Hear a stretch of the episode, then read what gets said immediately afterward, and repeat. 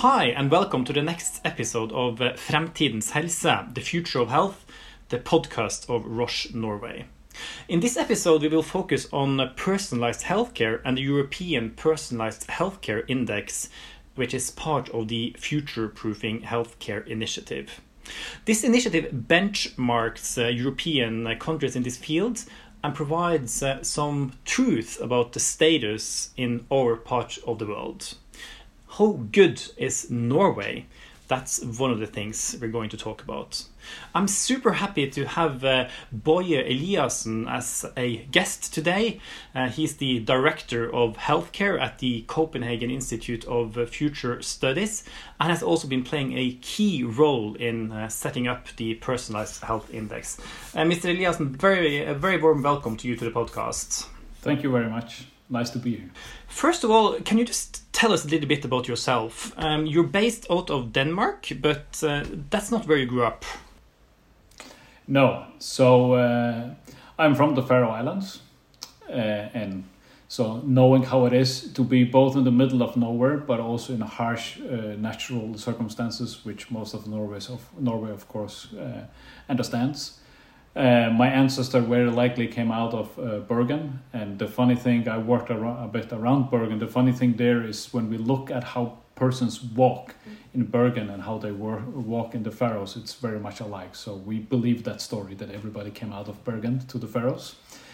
Um, uh, I, I started the, the first um, population genome project in the Faroes uh, some uh, 15 years ago, or something like that, uh, and and worked very much uh, focused on on uh, genomics and the use of genomics in society uh, for for for some years there, and then in 2014 I went to the to the institute because I saw a need to to work more cross disciplinary, but also to to bridge digital functions and data with the new biology, which which genomics is a part of, and I've worked very much in the, in that field the, the last six years, and and now as as a director of health uh, at the institute.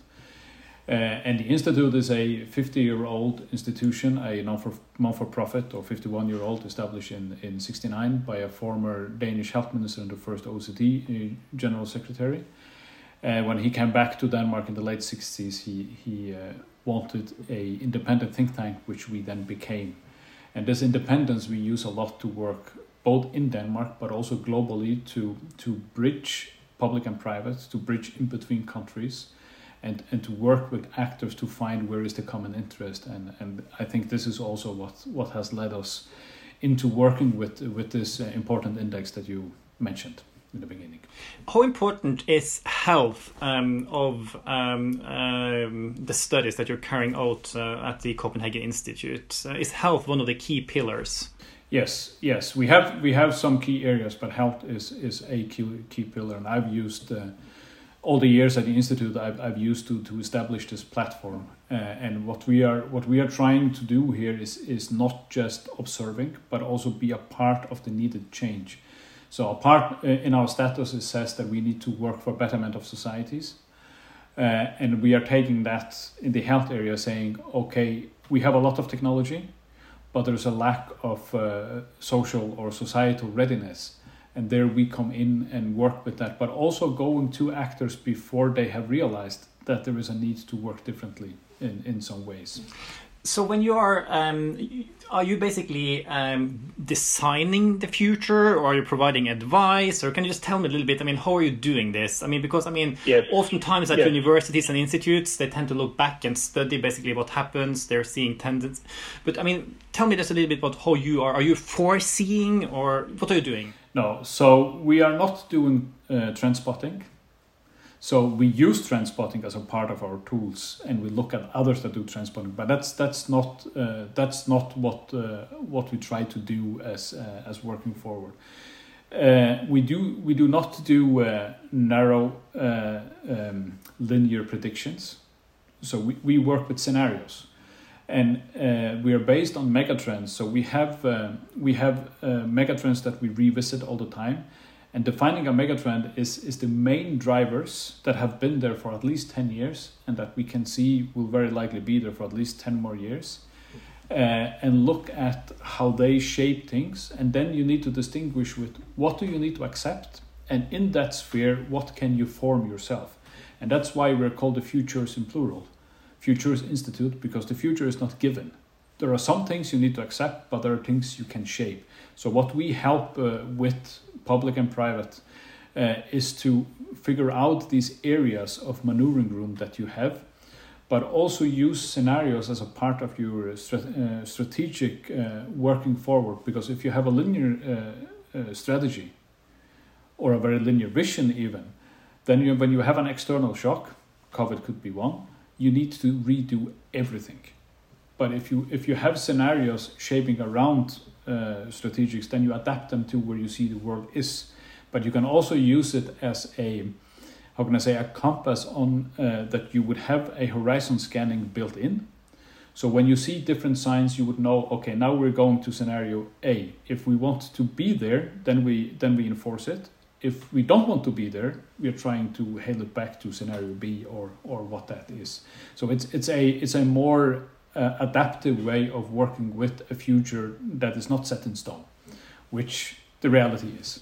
So, is uh, personalized health is that one of the mega trends within healthcare right now, or uh, what are the mega trends, the biggest mega trends in in healthcare? Yes, so so we are seeing health, a focus on health as a mega trend, and then personalized health is a part of that, and and personal health is is a very uh, big driving force, but mostly in the richer countries in, in the poorer countries, there is still a lack of, of basic health.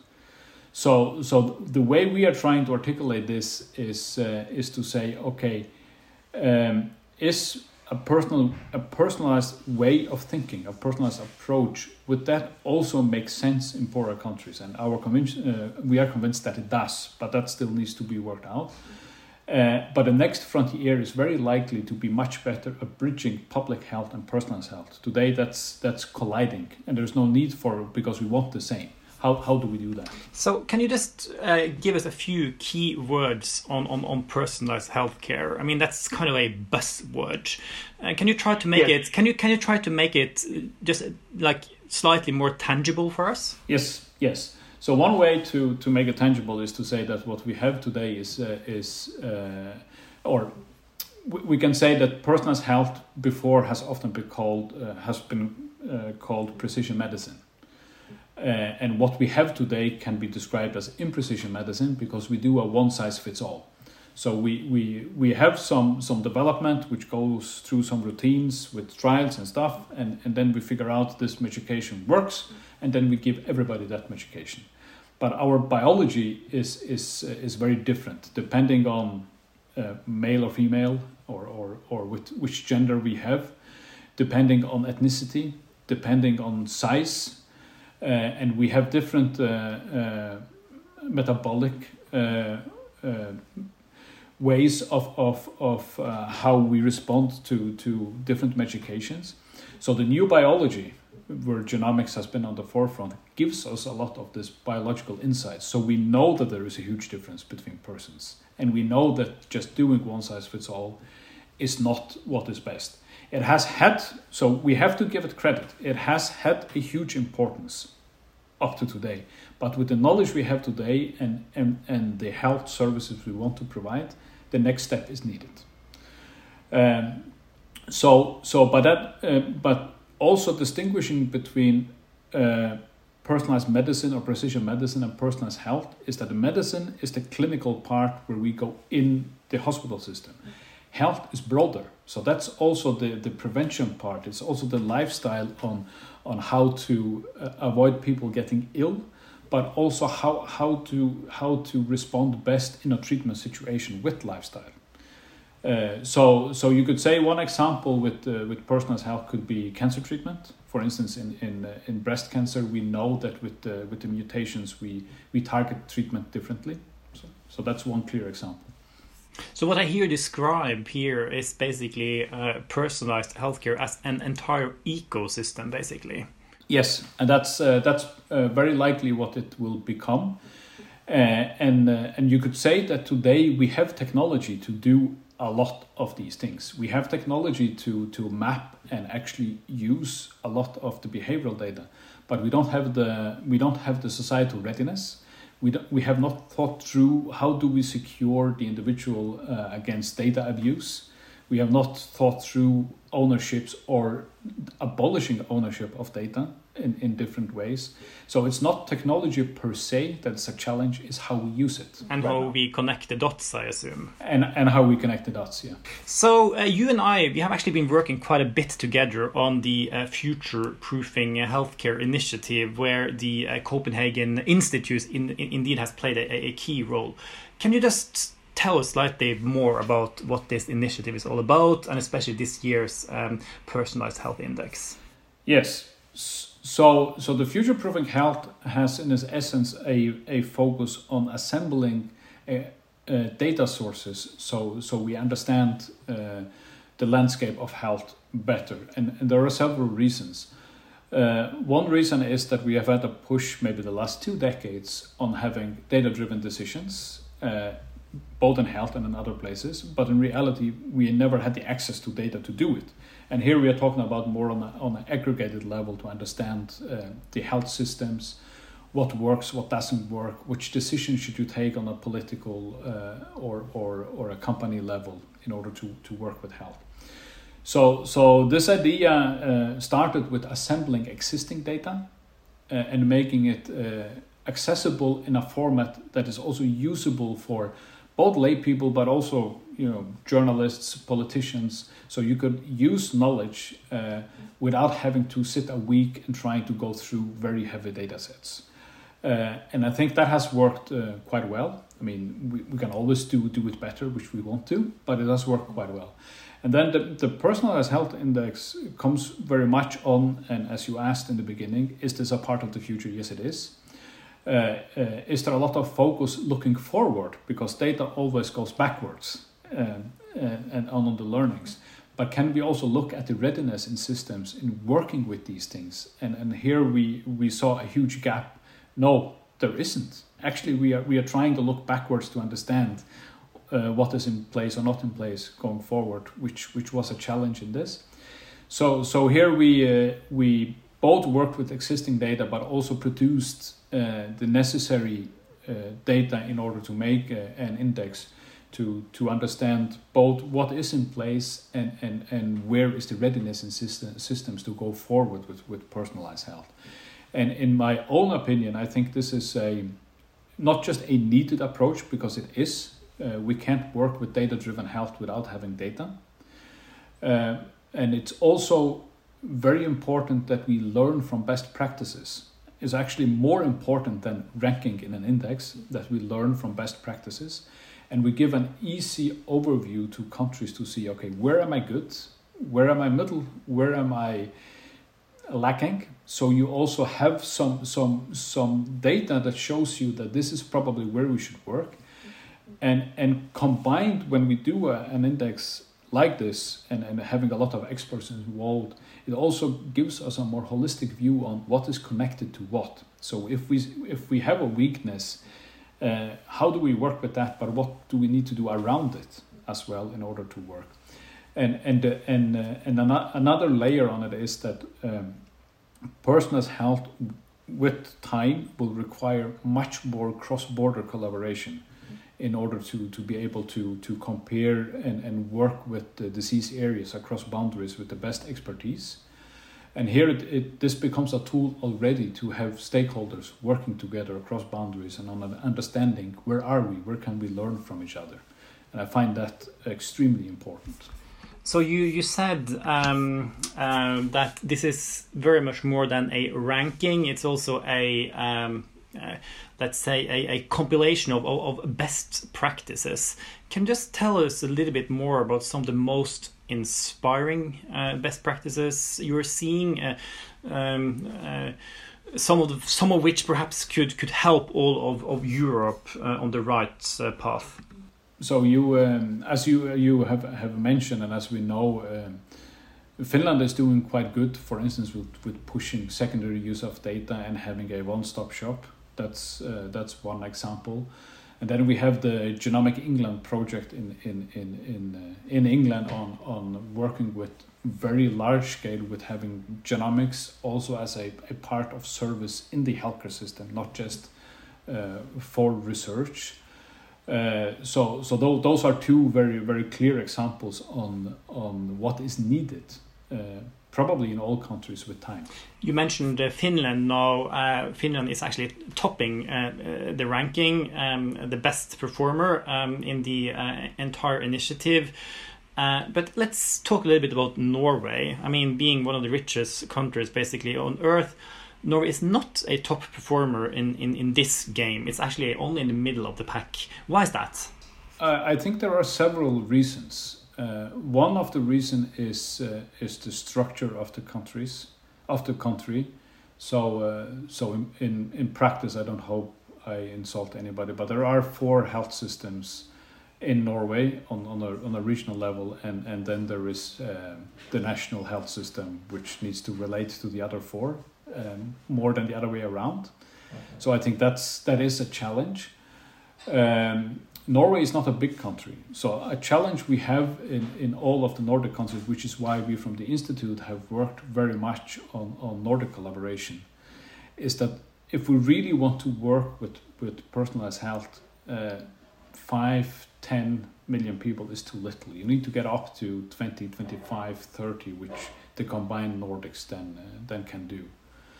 Um, and and here uh, and we see that not just in Norway but but all of the Nordic countries there is too much focus on wanting to be world champion alone. Uh, so so that is one part.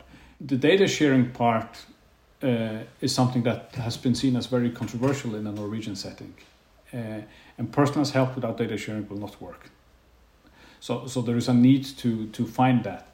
Uh, and and then I so what the Finns have been very good at is is figuring out how do we how do we work with something that is good for the individual, has a public health uh, benefit, and also drive businesses.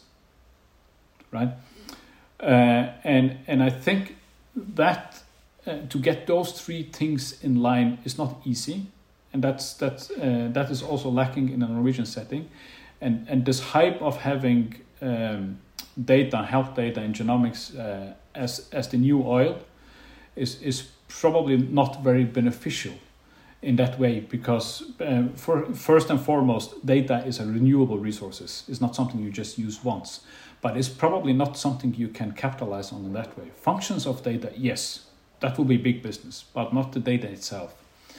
So so it's also a focus on it. And um, Uh, and and I think if if there's one thing which would be beneficial for Norway to focus on, then it is to think Norway as one unit and person before ju jurisdiction, and then think what is the focus we have in a combined Nordic and then a combined European approach, because Norway will not be able to do this alone. So, so that, that is needed. And, and on the other side, and you said it in the beginning, Norway is one of the richest, if not the richest country in the world.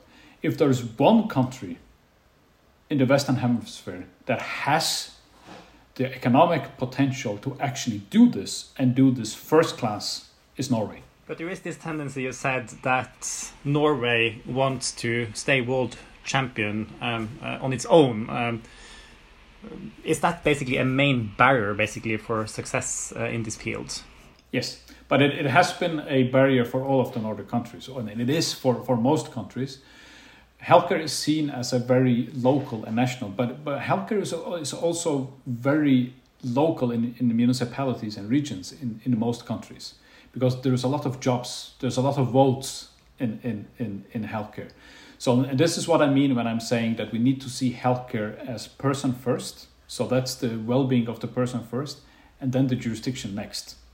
So it's it's not just the national boundaries, it's also the regional and municipality boundaries inside the country.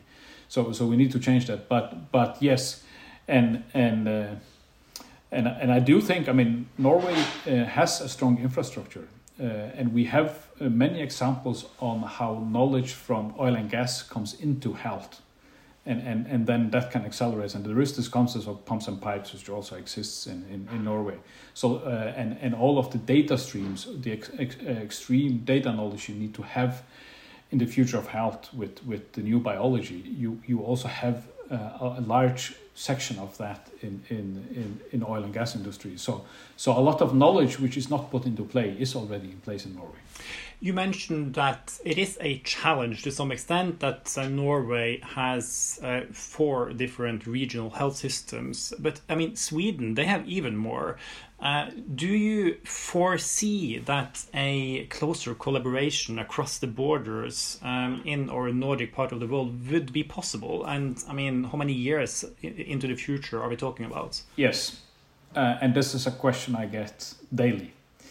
Uh, so this was the reason why we initiated this Nordic Health 2030 project uh, some two three years ago, and that we worked through last year with 30 of the main public and private stakeholders in the Nordic countries. Um, so most people would say, so if we can't even align inside the country, how should we be able to align in between countries? But I think the logic is reversed.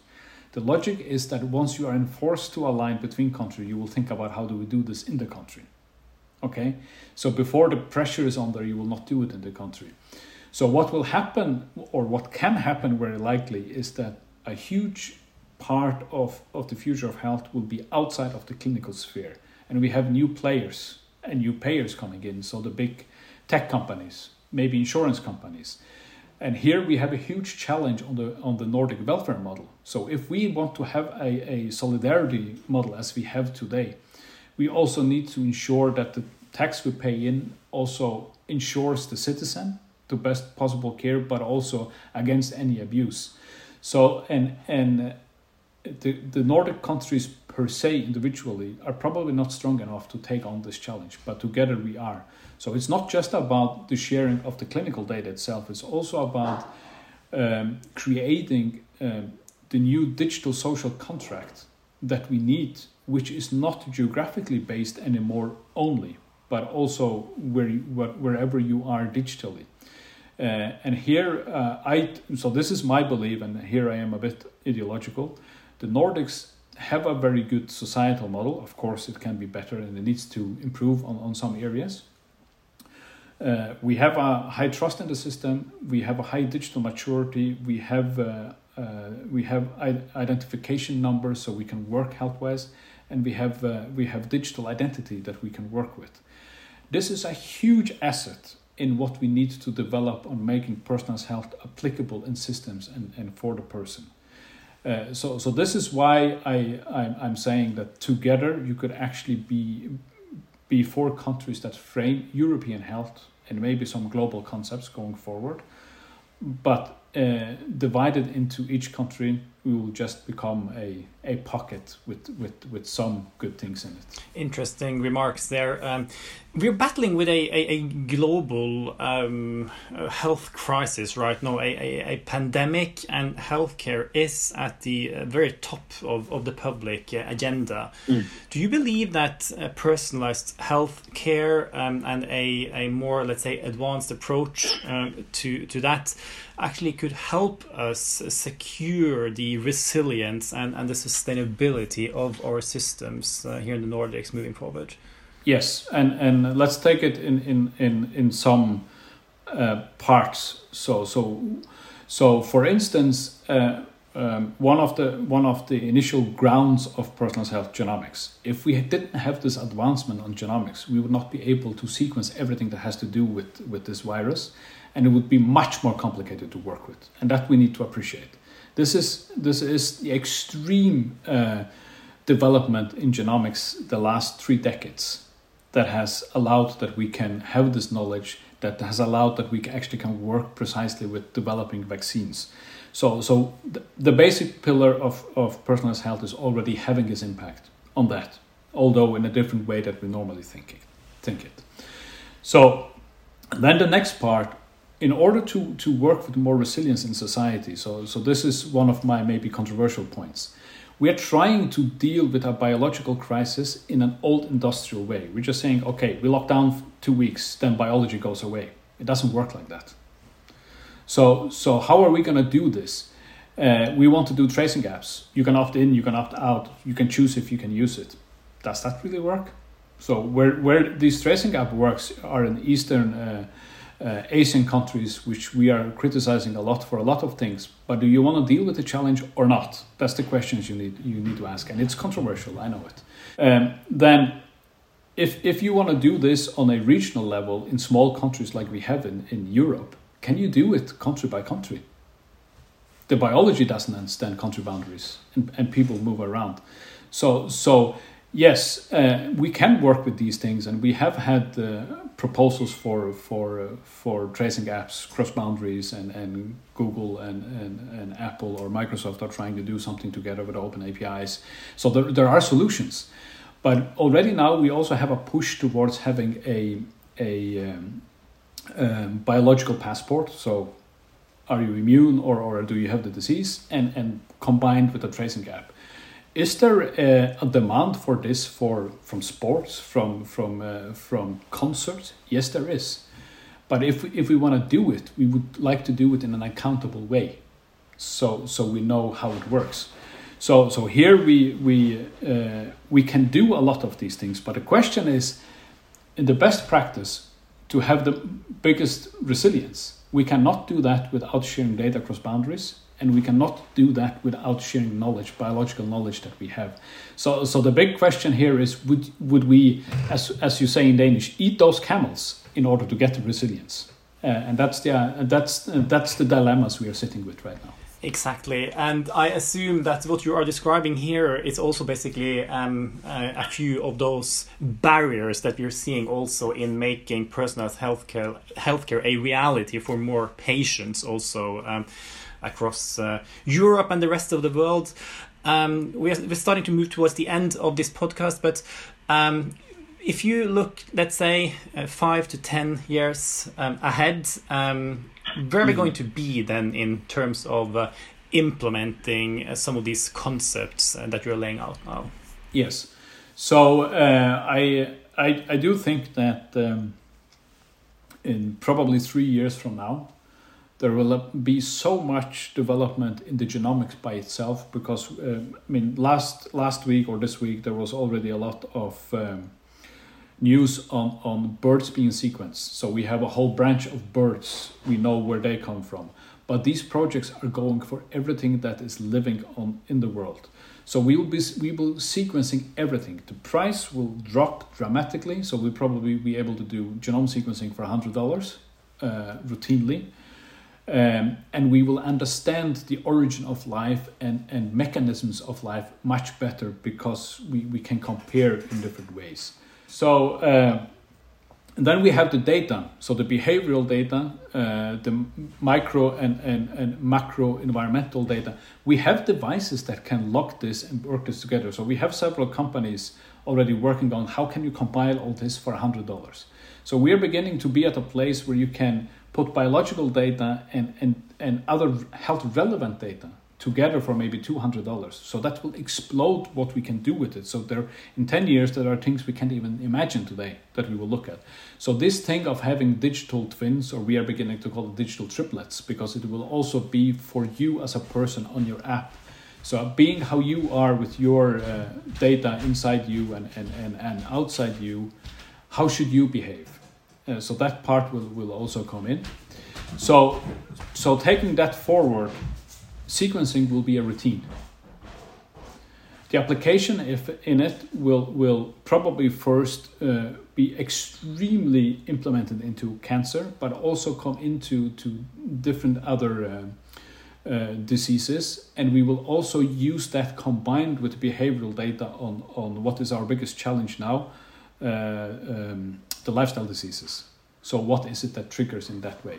So, so I think it will come in that way. The, the big challenge we need to deal with is do we want big meta systems or will we see the individual as a data point in themselves? So you become your own biobank and data repository and get plugged in where it's necessary to, to use data.